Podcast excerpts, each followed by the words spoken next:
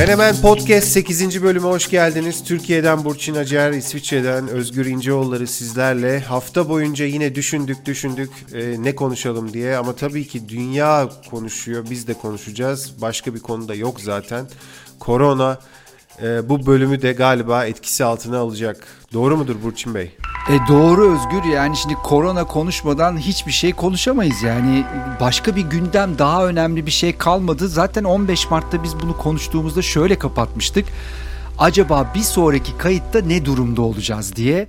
Yani bayağı bir şey değişti 15 Mart'tan bugüne yaklaşık işte bir 15 gün geçti. Çok şey değişti hayatımızda. Gerçekten öyle. Ne umduk ne bulduk. 15 Mart'ta e, ki kaydımızı galiba yanlış hatırlamıyorsam 21 Mart'ta paylaştık.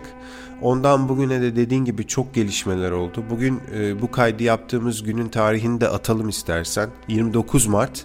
Evet. 29 Mart 2020 Pazar günü e, bu kaydı gerçekleştiriyoruz. Yayını da mümkün olduğunca kısa sürede e, yetiştirmeye çalışacağız. Dolayısıyla e, uzun süre beklemeyecek. Sonuçta bir e, montaj, kurgu dönemi de geçiriyor bu kayıt. Ama onu mümkün olduğunca kısa yapmaya çalışacağız. O e, Burçin Acer'in hünerli ellerinden geçiyor.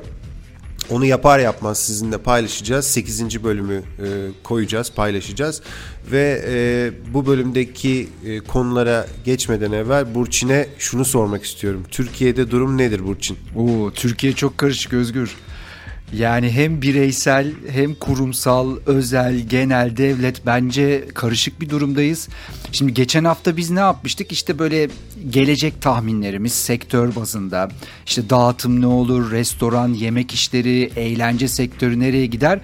Onlardan bahsetmiştik ama o zaman tabii daha vaka sayısı ve bu bu durum bu kadar ağır bir tablo içinde değildi ama tahminimiz oydu. Buralara gelecek demiştik. Nitekim bu geçen süreç içerisinde bence ilk başta bize güven veren bir süreç başlangıcı yaşadık Türkiye özelinde. İşte bakan her gün çıktığı bir açıklama yaptı. Bu çünkü çok sık rastladığımız bir şey değil bizim biliyorsun. Yani öyle günlük açıklama, günlük basın toplantısı, bilgilendirme çok uzun süredir bizim siyasi tablomuzda bu tip şeyler yoktu. O yüzden o böyle bir insanlara güven verdi ama tabii ilerleyen günlerde aslında alınacak ve alınması gereken önlemlerin daha radikal olması genel olarak toplum satında bir kamuoyu oluşturdu ama o kamuoyu bir türlü hükümeti ve yetkilileri o derecede hızlı hareket ettiremedi. Yani işte bir umreye gidenler ve dönenler problemi yaşadık. İşte bir cuma cuma namazı problemi yaşadık insanların toplu bir araya gelmesiyle ilgili. Üniversitelerin, okulların kapanması onların bir anda otogarlara gidip ülkeye böyle bir kitleler halinde dağılması problemi yaşadık. Birçok problemi yaşadık ve bu problemler çok ilginçtir. Böyle kamuoyu konuşuyor. Özellikle sosyal medya o böyle bir güç haline geliyor ve ondan sonra hükümet bununla ilgili bir adım atıyor. Ama hep böyle geriden geliyor. Halbuki kamuoyu da yani hepimiz de böyle bu konuda çok bilimsel ya da çok bilgili insanlar değiliz ama örnek görüyoruz. İşte İtalya'yı görüyoruz. İşte İspanya'yı görüyoruz. Oradaki hataları görüyoruz ve onlar olmasın diye insanlar yazıyorlar, çiziyorlar. Ben bu konuda işte zaman içerisinde o her gün yapılan açıklamaların verdiği rahatlık, zaman içerisinde geç kalmalar, işte yine böyle bir takım siyasi siz biz e, durumları mesela hükümet aslında pek de kimseyi kendilerinden başka bu sürece dahil etmedi. Yani işte muhalefeti, kendi gibi düşünmeyen sosyal e, işte toplulukları, örgütleri dahil etmedi ve dolayısıyla yine böyle bir o siyasette bizde uzun yıllardır olan ikilik, siz biz durumunu burada da yaşamaya başladık. Başta olan o her gün yapılan basın toplantılarının verdiği güven duygusu zaman içerisinde biraz güvensizliğe ve işte geç kalınıyor hissine bıraktı kendini. Şu andaki yani bugün itibariyle güncel durum işte sokağa çıkma yasağında gecikiyoruz. Birçok önlemde gecikiyoruz. Belki bu kaydı e, yayınladığımızda bunlar gelecek ama e, maalesef bu gecikmeler de vaka sayısında, ölüm sayısında artışa neden oluyor. Ben yani Türkiye için söylenebilecek çok söz var. Onları ilerleyen dakikalarda konuşuruz ama bence genel tablo böyle bir işte günlük açıklamalar ona olan güvenden şu anda gecikmiş kararları bekleyen kamuoyuna döndü diyebilirim. Bizdeki e, en azından tablo benim gözümde böyle gözüküyor. Sende nasıl? Mesela İsviçre'deki ele alış nasıl bunu? İsviçre'ye geçmeden evvel e, şunu hatırlatmak istiyorum. 7. bölümde söylemiştin. Yani bir önceki bölümde. Koronadan farklı bir gündemimiz yok demiştin. Hala da yok. Doğru. Küresel mücadele de devam ediyor. Sadece Türkiye'de değil, sadece İsviçre'de değil, bütün dünyada. Bu kadar önemli bir konu devam ederken tabii ki biz başka bir konudan bahsedemeyiz. Daha önce de galiba bu benzetmeyi yapmıştık. Büyük bir Hollywood film, filminde gibiyiz. Ee, böyle hissediyorum. Ülkemizi takip ediyoruz. Sen biraz anlattın. Diğer ülkeleri de takip ediyoruz. O biraz da tabii e, uzaktan takip oluyor. Ee, gidemediğimiz için doğal olarak. Sayıları görüyoruz. Amerika'da durum ciddi korkutuyor. Ee, Avrupa'da durum düzelmiyor. Benim yaşadığım İsviçre'de bunlar arasında, Avrupa ülkeleri arasında. Avrupa'da durum dediğim gibi düzelmiyor. Ee, Türkiye'de sayılar artıyor dedin. Ee, çok doğru. Bazı ülkeler var mesela gitgeller yaşıyor. Ee, mesela İngiltere bunlardan bir tanesi. Farklı bir strateji başlamış, e, stratejiyle başlamıştı mücadeleye. Daha sonra e, değiştirdi. Ciddi anlamda değiştirdi stratejisini. Hindistan, Afrika, Güney Amerika bu ülkeler biliyorsun çok nüfusu yüksek ülkeler. Bu, burası kontrolü zor bir e, kısmı dünyada. Umalım kötü etkileri olmasın buralarda. Geri gelirsem İsviçre'ye, İsviçre'de yani en azından benim yaşadığım bölge küçük bir bölge ya da e, nüfusu az, kontrolü kolay bir bölge. Ciddi anlamda önlemler alındı yaklaşık e, bir 10 günü aşan bir süredir neredeyse her yer kapalı. Yani süpermarketler ve eczaneler dışında mağazalar, restoranlar, kafeler hiçbiri çalışmıyor. Fiili bir sokağa çıkma durumu yok. Ancak e, sokakta insan görmek de neredeyse mümkün değil gibi. Yani e, herkes bir şekilde kendini bilinçli bir şekilde evine kapatmış gibi duruyor. Tabii ki sokakta yürüyen insanları görüyorsun ama hani bir toplu işte ne bileyim 4-5 kişiden fazla e, bir arada olan kişi e, insan grubu görmedim. Yani bir şekilde önlemler ciddi anlamda alındı ve bu önlemler de uygulanıyor. Ama bunda tabii ki şu var. Yani nüfus da buna yardımcı oluyor. Yani kalabalık bir yer değil zaten burası. Benim yaşadığım şehir 400 bin kişilik bir şehir. Zaten bu tip önlemleri kolayca uygulayabileceğin bir nüfustan bahsediyoruz. Ama büyük nüfuslar az önce söyledim ya işte Hindistan dedim, Afrika'daki ülkeler dedim, Güney Amerika dedim. Ee, ki nüfus olarak İstanbul'da buradaki birçok büyük şehirle kapışır. Dolayısıyla buralarda önlem almak ya da önlemli alınan önlemleri ya da konulan kuralları uygulamak çok zor. Dolayısıyla bu da insanı düşündürüyor. Yani ne yapılabilir bununla ilgili? Yani bunun ötesi ne olabilir? Kolay değil. Öyle değil mi? Kolay değil tabii ama işte artık ben şu durumdayım. Bu tip olağanüstü durumlarda olağanüstü kararlar almak lazım. Bunu artık hepimiz bekliyoruz ve acil bir şekilde bekliyoruz. Yani o evet işte çok nüfus fazla değil mi? E, bu nüfusa şu olmuyor İstanbul'da. Ya lütfen evinizde durun. Bakın bu sizin için çok daha iyi. Tamam 3-5 milyon buna uyuyor ama uymayan bak 1 milyon bile olsa hiçbir işe yaramayacak. O, o diğer geri kalanın evde olmasının hiçbir anlamı olmayacak. Dolayısıyla şu şart çıkmıyorsunuz sokağa. Bu yasak. Yani bunu demek evet bak belki mesela senin bulunduğun yerde bunu böyle bir yasak olarak koymadan da insanlar o bilinçli hareket edebilir. Zaten çok az insan var. Uymayan da bir şekilde o ona uydurulabilir ama bu kadar kalabalık bir nüfusta ya lütfen çıkmayın. Aman piknik yapmayın. Aman şunu yapmayın. Bir bir işte otobüse binin ama aranızda bir mesafe olsun falan. Bunlarla olmuyor. Olmadığında gördük. Daha geçen hafta sonu parklar, marklar her yer doluydu. Yani İstanbul'da buna uyan çok büyük bir kitle var. Bunu görüyoruz, yaşıyoruz bizde ama uymayan da bir o kadar nüfus var. Çünkü nüfus fazla. Dolayısıyla sert da yani sert önlem almak lazım. Sokağa çıkma yasağı bence burada en azından şu anda uygulanabilecek en radikal karar ve de bunu en azından bir, bir belki iki hafta, üç hafta sert ve ciddi biçimde uygulanırsa o zaman bir bir şey görebiliriz. Bizim buradaki sıkıntımız bence biraz bu. Bu sert önlemlerin gelmemesi bizi ve insanları da tabii bu gelmedikçe ya biz bu önlemi alıyoruz ama ilerleyen günler daha kötüye gidebilir. Nisan ayı korkutucu bir ay herkes için.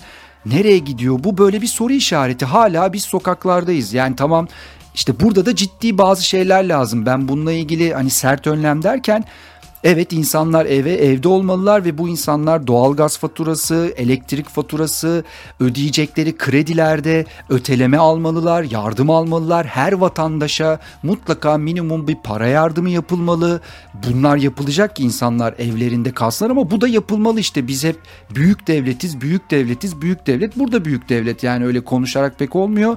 Bunların mutlaka yapılması lazım. Sonuçta şunu da biliyoruz. Bu sokağa çıkan insanların çoğu yani zorunda olan insanlar bir de mesela işe gitmek zorunda olan insanlar özel çalışıyorlar ve şirketleri böyle bir karantina durumu almamış. E, dolayısıyla işe gitmek zorunda.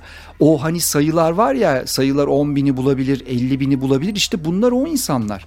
Sokakta olmak zorunda olan insanlar veya işsizler var. Onlar bir şekilde çabalamak zorundalar. Yani burada evine 2-3 aylık yemek stok etmiş e, veya işte yazlık yere gidip bu süreci orada geçiren insanlar zaten bu 10 bin 50 bin sayılarına girmeyecekler. Şu anda ilgilenilmesi gereken o sokağa çıkmak zorunda olan ama eve kapanması gereken insanlar ve onlara acil devletin yardım yaparak bu süreci doğru bir şekilde götürmeleri sağlanması lazım. Evet nüfus büyük ve bu büyük bir problem ama işte hani büyük devletiz o zaman buna da e, gücümüz olması gerekiyor. Yani biraz daha sert yaklaşılması gerekiyor bence bu bu durumda.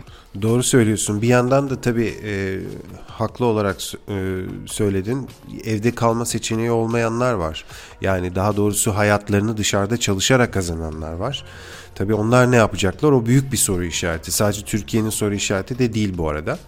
E, çünkü yani sonuçta tüm dünya evde kalmaya çalışıyor. Kolay da değil. Hani bir gün kalırsın. Eskiden hatırlar mısın e, şey vardı. E, nüfus sayımı vardı. Evde kalırdık mecburen. Ama o 5 saat 5'te biterdi. Sonuçta hani bir gün kalırsın evinde, iki gün kalırsın ama uzaması tabii insanı zorluyor. Hem e, fiziksel olarak zorluyor hem psikolojik olarak zorluyor. Bir yandan küçük dairelerde yaşayan kalabalık aileler var. Onların yaşadığı zorluklar var. Onları düşünmek lazım. Yani daha da ötesini söyleyeyim. En uç nokta artık 1.3 milyarlık Hindistan'da sokağa çıkma yasağı ilan edildi. Yani öncelikle şunu düşündüm bu haberi okuyunca. Yani 1.3 milyarlık bir ülke mi olur? Yani nasıl bir nüfustur bu? Nasıl e, dinamikleri olan bir nüfustur? Bir şekilde e, dediğim gibi oralarda da sokağa çıkmama seçeneği olmayanlar belki binlerce sayıda e, ya işte ye, günlük yevmiyeyle çalışanlar bunların hepsinin düşünülmesi lazım. Kolay değil gerçekten zor bir dönemden geçiyor bütün dünya. E, müsaade edersen bir virgül koyalım. Tamam. Geçtiğimiz bölümle ilgili işte geri dönüşler vesaire genelde bunu tabii her bölümün başında yapıyorduk. Burada tabii bir anda girdik konuya hızlı bir şekilde o konu e, ortalara kaldı. Ben geçtiğimiz bölümle ilgili ya da onun duyurusuyla ilgili bir şeyler anlatmak istiyorum. Biraz daha hani kafamız dağılsın. Konu e, o kadar yoğun ve şey yaşanıyor ki herkes bu, bu konuyu konuşuyor ki kafayı dağıtmaya da ihtiyacımız var belki. Hatta geçen geçen bölümün sonunda biraz böyle hani konuyla ilgili espri yapılmalı mı yapılmamalı mı ya girmiştik. Onunla da ilgili bazı düşünceler geldi bu hafta aklıma. Şimdi geçtiğimiz bölümün duyurusunu ben e, evin etrafında dolaşırken yürüdüğüm kaldırımda böyle tesadüfen gördüğüm bir işaretin e, fotoğrafıyla yaptım. Böyle bir işaret gördüm yolda, yolun üstünde kaldırımda. Onun fotoğrafını çektim. Biraz tasvir edeyim. Sen galiba görmedin onu. Gördüm, gördüm. Şimdi hatırladım. Gördün tamam. mü?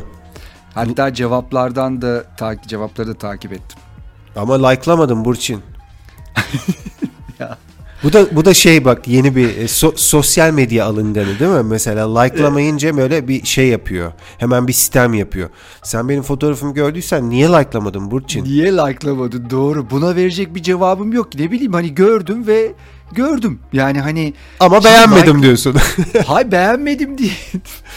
beğenmedim değil ya. Hani beğendim ama mesela o böyle gü- güzel bir fotoğraf. Altına da yazılanlar falan iyi bir diyalog geçmiş orada. Ne bileyim hani like'layayım ben bunu. Evet bunu beğendim falan. Öyle bir şey hareket ya, gelmedi içimden. Şaka yapıyorum tabii Öf, ki. terledim dur. Şaka yapıyorum. İster like'la ister like'lama. O senin kararındır yani sonuçta ama like'larsan iyi olur. tamam tamam. Şaka tamam. yapıyorum. Şaka yapıyorum Burçin. Ee, şimdi bir insan resmi o böyle biraz grafiksel bir şey e, resim. Yürüdüğü yöne doğru böyle oklar var. Ee, ve de böyle sol üst köşede de güneşe benzettiğim bir şekil vardı. Allah Allah dedim bu ne acaba? Çektim. Biraz da böyle içinde bulunduğumuz ruh halinden herhalde şey diye yorumladım onu. Hani Nazım Hikmet'in şiirindeki dizelere yorumladım böyle işte hani çocuklar inanın inanın çocuklar güzel günler göreceğiz güneşli günler böyle güneşe doğru yürüyen bir insan. Neyse sonra o paylaşımın altına yorumlar geldi.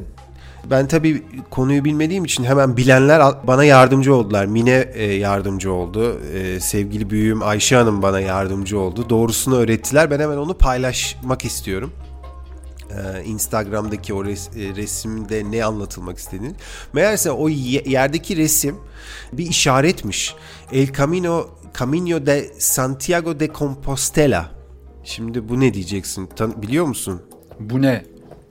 Hayır Şimdi hayır. Camino, Camino İspanyolca'da yol anlamına geliyor. Yani Santiago de Compostela yolu. Şimdi bu Hristiyanlar için kutsal e, kabul edilen bir hac yoluymuş. Birçok farklı rota varmış oraya giden. E, Santiago de Compostela'da böyle İspanya'nın yanlış bilmiyorsam kuzey batısında bir bir yer. Hatta galiba Galicia'nın başkenti kutsal kabul ediyormuş ve farklı rotalar varmış. Ee, böyle eskiden dini sebeplerle yürüyormuş bu yol. Artık tabii e, biraz da turistik olmuş anladığım kadarıyla. Ee, herkes kendine ne hedef belirlediyse o hedef için yürüyormuş o yolu. Bayağı da uzun. Galiba böyle 700-800 kilometrelik bir yoldan bahsediyoruz e, işte size bir belge veriliyormuş. Yani o yolu yürümek isteyene bir belge veriliyormuş. O yol üzerinde işte uğradığın yerlerde, kaldığın yerlerde ona böyle e, damgalatıyormuşsun. Sonra da gidiyormuşsun. İşte e, Galicia'nın işte başkentinde Santiago de Compostela'ya ulaştığında da onu gösteriyormuşsun. Sana da böyle bir Latince yazılı bir sertifika veriliyormuş. Yolu yürüyüp bitirdiğine dair bir e, bir e, belge veriliyormuş. Şimdi sanırım rotalardan bir tanesi de buralardan geçiyor ki ben onu yolda gördüm. Hani o rotayı belirleyen bir işaretti tam böyle kaldırımın üstünde. Şimdi rotalarla ilgili tabii ideal mevsimle ilgili işte sürelerle ilgili işte yolun uzunluğu ile ilgili birçok bilgi vardır tabii ki. Bu konuyla ilgilenenler bununla ilgili kesin e, detaylı kaynaklardan bilgiler bulabilirler. E, ilginçti. Biraz kafamız dağılsın diye bunu anlatayım istedim. Bir de şu meşhur tartışma konusu vardı ya hani Müslüm Gürses'in şarkısı işte e, Garbage'dan mı alınmış, bu York'ten mi alınmış vesaire. Ortalık Onunla karıştı ilgili, Özgür. Onunla ilgili ortalık karıştı ama sonra bulutlar dağıldı çünkü bu sefer de e, Twitter'dan e, İpek e, sanırım hanımefendinin ismi İpek Avun kullanıcı ismiyle tartışmaya noktayı koydu. Müslüm Gürses rahmetli Müslüm Gürses albümünde hem Garbage'ın parçası The World Is Not Enough'ı hem de Björk'ün parçası e, Bakaloreti Türkçe olarak yorumlamış. Bir tanesinin ismi, albümün ismi aynı zamanda Bir Ömür Yetmez ki Garbage'ın olan albümün ismi ise e, Aşk Tesadüfleri Sever. O da bak e, Björk'ün parçası. Her ikisi de var. Ben e, James Bond şarkılarından söz ettiğimiz bölümde tabii ki The World Is Not Enough'ın yorumunu kastetmiştim ve e, dolayısıyla öyle bir ufak karışıklık olmuştu. Ama sonuçta benim VAR'a giden golüm sayılmalı bence. Tamam evet yani var, VAR'dan tahkime gitti. Tahkimde de muhtemelen oy birliğiyle gol sayıldı. Ama şöyle bir şey tabii bize o gün podcast'te konuşurken aşk tesadüfleri sever hep bu isim üzerinden gittik. İşte albümü öyle hatırladık, şarkıyı öyle hatırladık ya da benim hafızamda öyle kaldı. Ondan sonra iş karıştı. Ama dediğin doğru bak bende de yine Instagram'da mesela Çimen Üssoy yazmış. Aynı senin dediğin gibi iki ikisinin şarkısı iki şarkının farklı olduğunu. Bu arada Tom Hanks için yapılan espride o da The Green Mile filmini hatırlamış. Geçtiğimiz podcast'te konuşmuştuk. Bu arada Çimen bize Paris'ten yazıyor. Paris'ten dinliyor. Dolayısıyla evet VAR'da ben bence ben de yani VAR tahkim gol değil dese de ben onun gol olduğuna inanıyorum. Golün geçerlidir Özgür. Yani sıkıntı yok. Teşekkür ederim. Golden futboldan bahsetmişken tabii e, bütünlikler durduruldu. Ee, çok üzücü olarak Euro 2020 e, ertelendi. Tabii ki şimdi sağlık en önemlisi. Dolayısıyla hani 2020'ye de üzülemeyeceğim. Sonuçta bir sonraki sene yapılabilir. Ee, bunda bir sorun yok.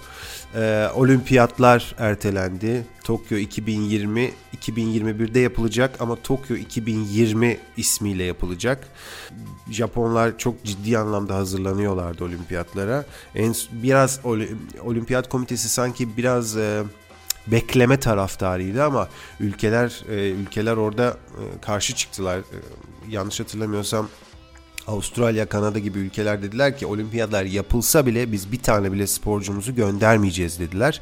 Dolayısıyla Uluslararası Olimpiyat Komitesi de orada geri adım attı ve geçtiğimiz hafta açıklama yapıldı. Shinzo Abe Japonya'nın açıklamasını herkese geçti ve dedi ki e, olimpiyatlar 2021'de yapılacak. Büyük mega organizasyonlar bile ertelendi. E, bu da hani sosyal alanlara ne kadar e, yayıldığını, konunun ne kadar e, vahim olduğunu bir başka göstergesiyle. Evet ben de radyo programı yaparken bir ara o kadar çok ertelenen festival konser haberi verdim ki mesela şey çok merak ediliyordu işte SXSW Arkasından işte Coachella, en son Glastonbury. Glastonbury de bekledi. Haziranda bu iş toparlar belki düşüncesiyle ama onlar da ertelediler. İşte Tomorrowland.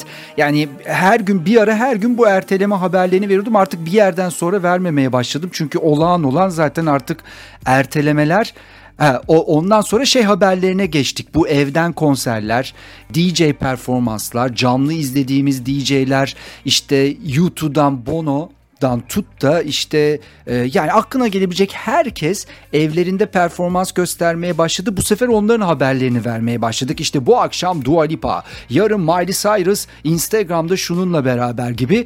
Sonra bir süre sonra bunlar da biraz e, rutin haline gelmeye başladı. Çünkü artık herkes evden konser veriyor. Herkes evden canlı performans veriyor. Çünkü başka da seçenek yok. Yani o o haberleri de artık günlük vermemeye başladık. Tahmin ediyorum zaten bak belki sona gelecektik ama bence şöyle bir süreç oluyor. İşte festivaller, konserler, organizasyonlar iptal. Herkes eve kapandı. Evden konserler, performanslar. Şimdi bunlar bir doyum noktasına geldi. Artık herkes canlı yayınlarda. Bence Nisan ayı biraz psikolojik sınavda zorlanacağımız ay olacak. Yani o canlı yayınların bir kısmı ilginç psikolojik hadiselerin anlatıldığı yayınlara dönecek. Çünkü ikinci ay evde kalma bence biraz e, bizi zorlamaya biraz değil hayli zorlamaya başlayacak. Çünkü ilk ayda biraz şu vardı.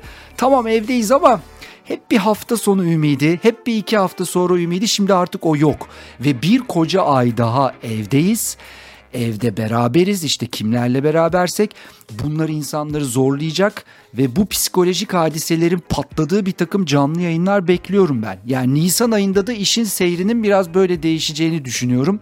Bunu da bir dipnot olarak söyleyeyim. Aslında sonunda konuşacaktım ama böyle bir gelişim var. Peki e, müzik konusunda bir sorun var. Sen sonuçta çok yakından takip ediyorsun. Hatta e, rakamlara da çok hakimsin. Bir müzik yapımcısı arkadaşımdan geldi bu bilgi. Ne kadar e, geneli kapsar bilmiyorum ama mesela streamler de düştü diyor. Yani yüzde e, otuzlara varan rakamlarda streamler düştü diyor. Böyle bir şey olabilir mi? Bu bana çok sürpriz bir bilgi olarak geldi. Yani hiç tam tersini bekliyordum. Daha fazla artacağını düşünüyordum ben.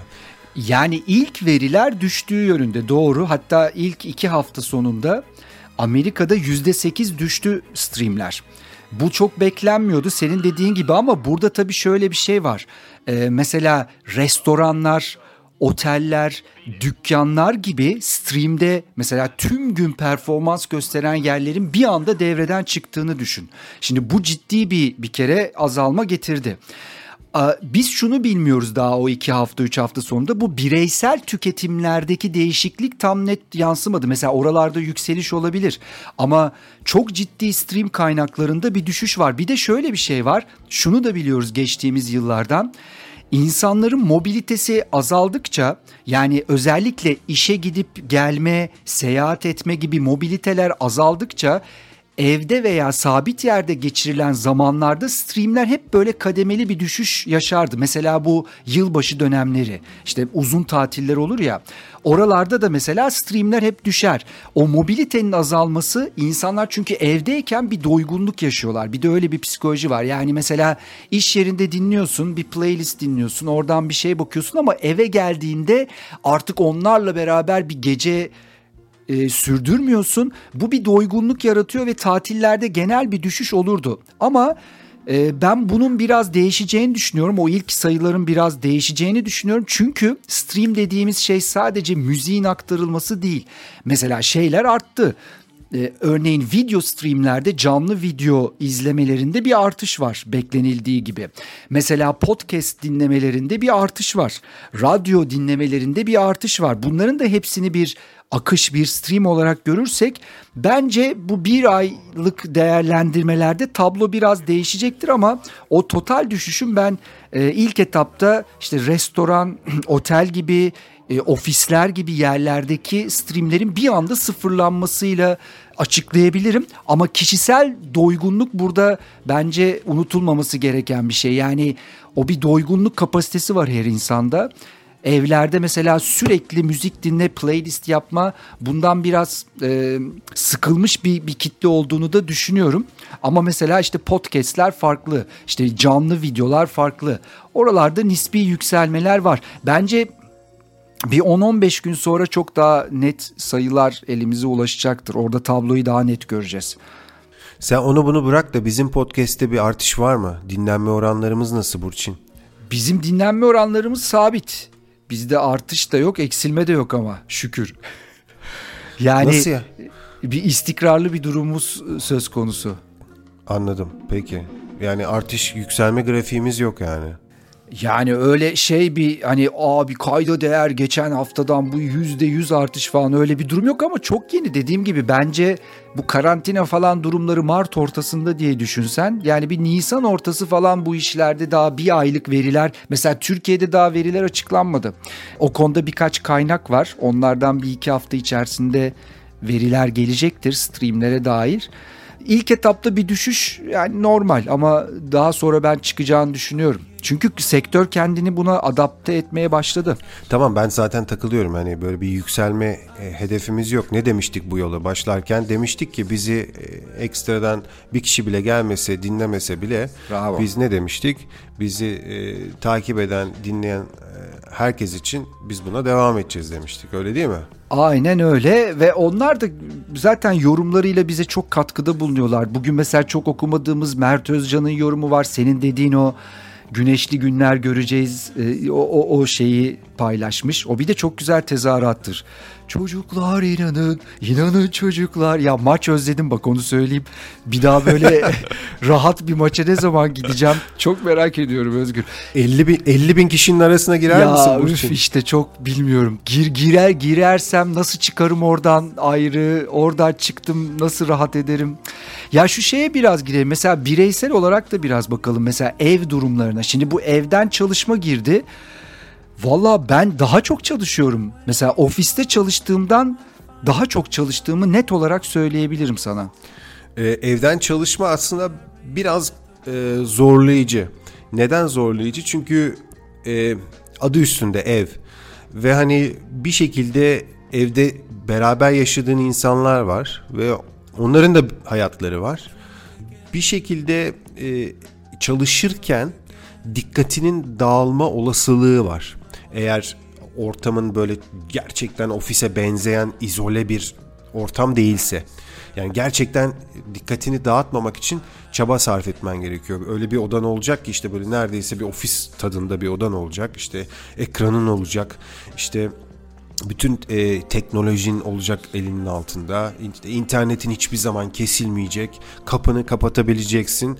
Yani bu tip e, ortamı sağlıyorsan gerçekten %100 verimle belki %100'ün de üstünde bir verimle çalışabilirsin. Ama şimdi herkesin ev ortamı farklı. Herkesin ev şartları farklı. Herkesin ailesi farklı. E, işte kiminin evinde e, evcil hayvanı var. Kiminin işte evi kalabalık. Kiminin evi küçük. Kiminin evi büyük. Dolayısıyla e, yüzlerce farklı e, çalışma düzeni, çalışma ortamı oluşabiliyor. Yani dediğim gibi bu biraz zorlayıcı. Belli bir düzene girmesi beklenebilir. Ee, insan her zaman kendini adapte edebilen bir varlıktır. Evde çalışmaya da adapte ediyoruz kendimizi. Ama kolay değil. O yüzden zorlayıcı dedim. Yani bak mesela ben şöyle görüyorum. Şimdi WhatsApp grupları var tamam mı? Sayısız WhatsApp grubu var her konuda yaptığımız her işte.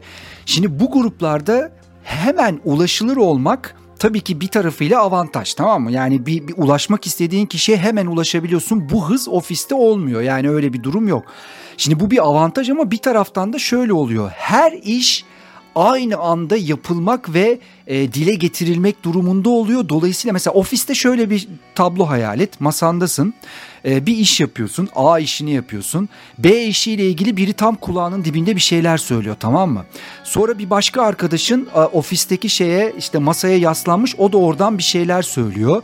Bu arada kafanın arkasında diğer arkadaşın var o da oradan bir şeyler söylüyor ve sen dördünü de aynı anda duyup bir şeyler yapmak zorundasın. Halbuki ofiste her şeyi bir sıraya göre dizme şansın var. Şimdi o karmaşa ve yoğunluk gerçekten alışılması gereken bir şey. Buna bir disiplinel bir bir moderasyon gelmesi lazım. Bilmiyorum yani mutlaka bunun da bir takım felsefi ve yönetimsel çözümleri vardır ama her an herkesin ulaşılabilir olması, her işi her an istenilebilir olması bir yerden sonra bir patlama durumu yaratıyor. Mesela mesai saati falan diye şeyler artık gitti.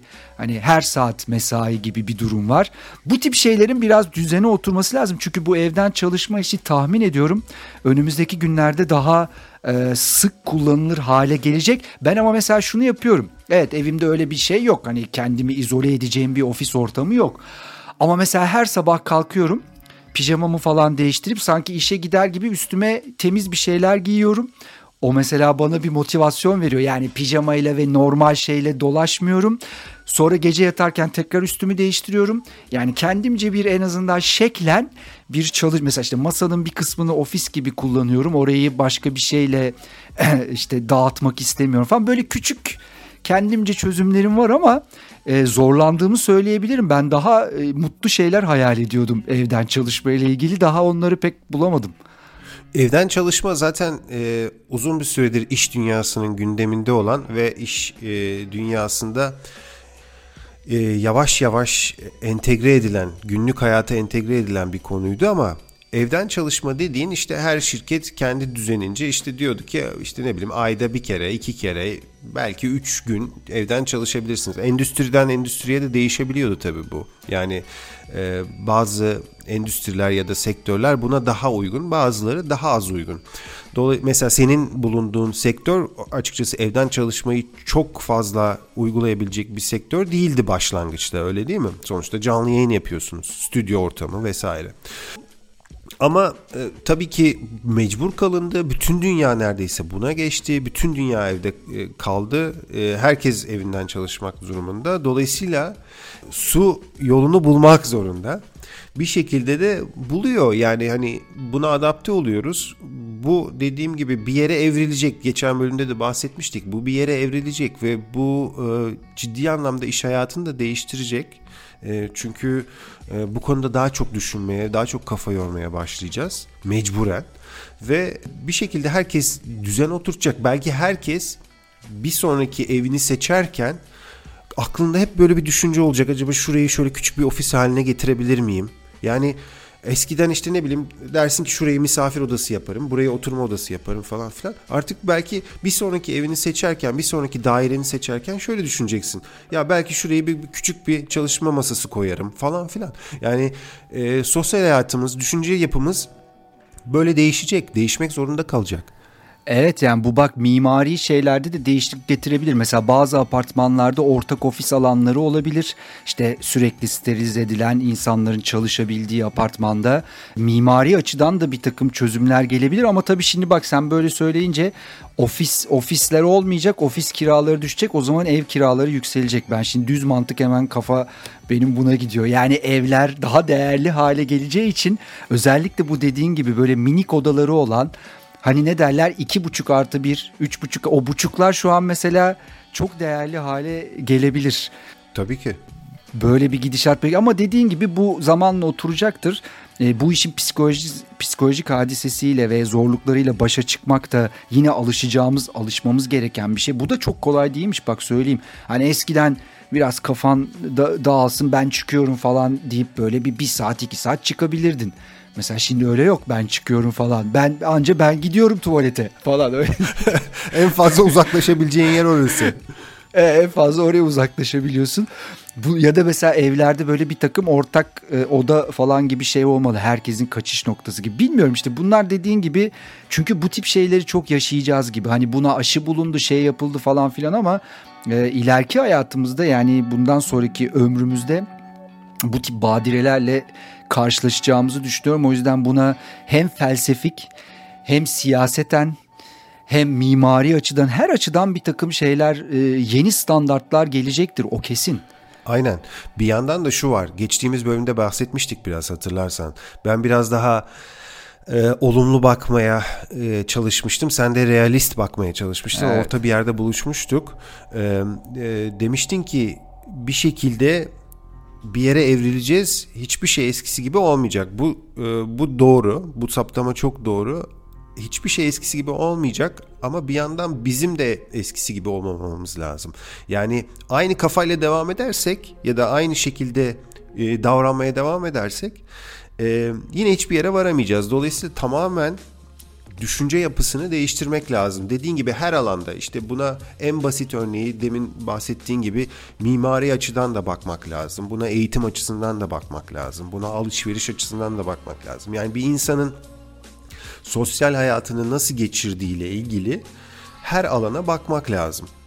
Yani bilim kurgu gibi belki konuşuyorum ama bu e, nasıl söyleyeyim ileriye dönük bazı saptamalar, bazı düşünceler.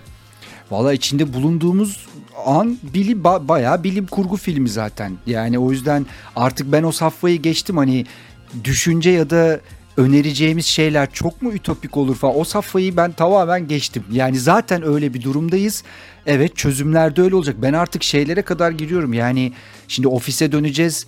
E, ofislerdeki klima sistemleri genelde e, işte içerideki havayı döndüren şeyler aslında ne kadar zararlı bunların olma yani değişimin her yerde olma. Mesela seyahat etme falan beni şu anda en çok düşündüren şeylerden bir tanesi. Tamam her işte bir toparladı, düzeldi, bir ilaç, belki bir aşı falan. Çok rahat seyahat edebilecek miyim bütün bunlara rağmen? Çok şüpheliyim. O yüzden mesela hayat motivasyonu ne olacak? Bu bu bu konuda ben kendi kendi açımdan söylüyorum değişiklikler yaratmam lazım. Yani evet çalışacağım, para kazanacağım. Ne yapacağım bu parayı ben? Yani ne için bunu bu motivasyonu sağlayacağım? O konularda hepimizin bir zihinsel e, dönüşüm geçirmesi gerekiyor galiba. Bir e, şirket arkadaşlarımızla WhatsApp grubumuz var. Orada da mesela herkes işte ya ben ortamımızı özledim, sizi özledim vesaire gibi duygusal mesajlar atıyor.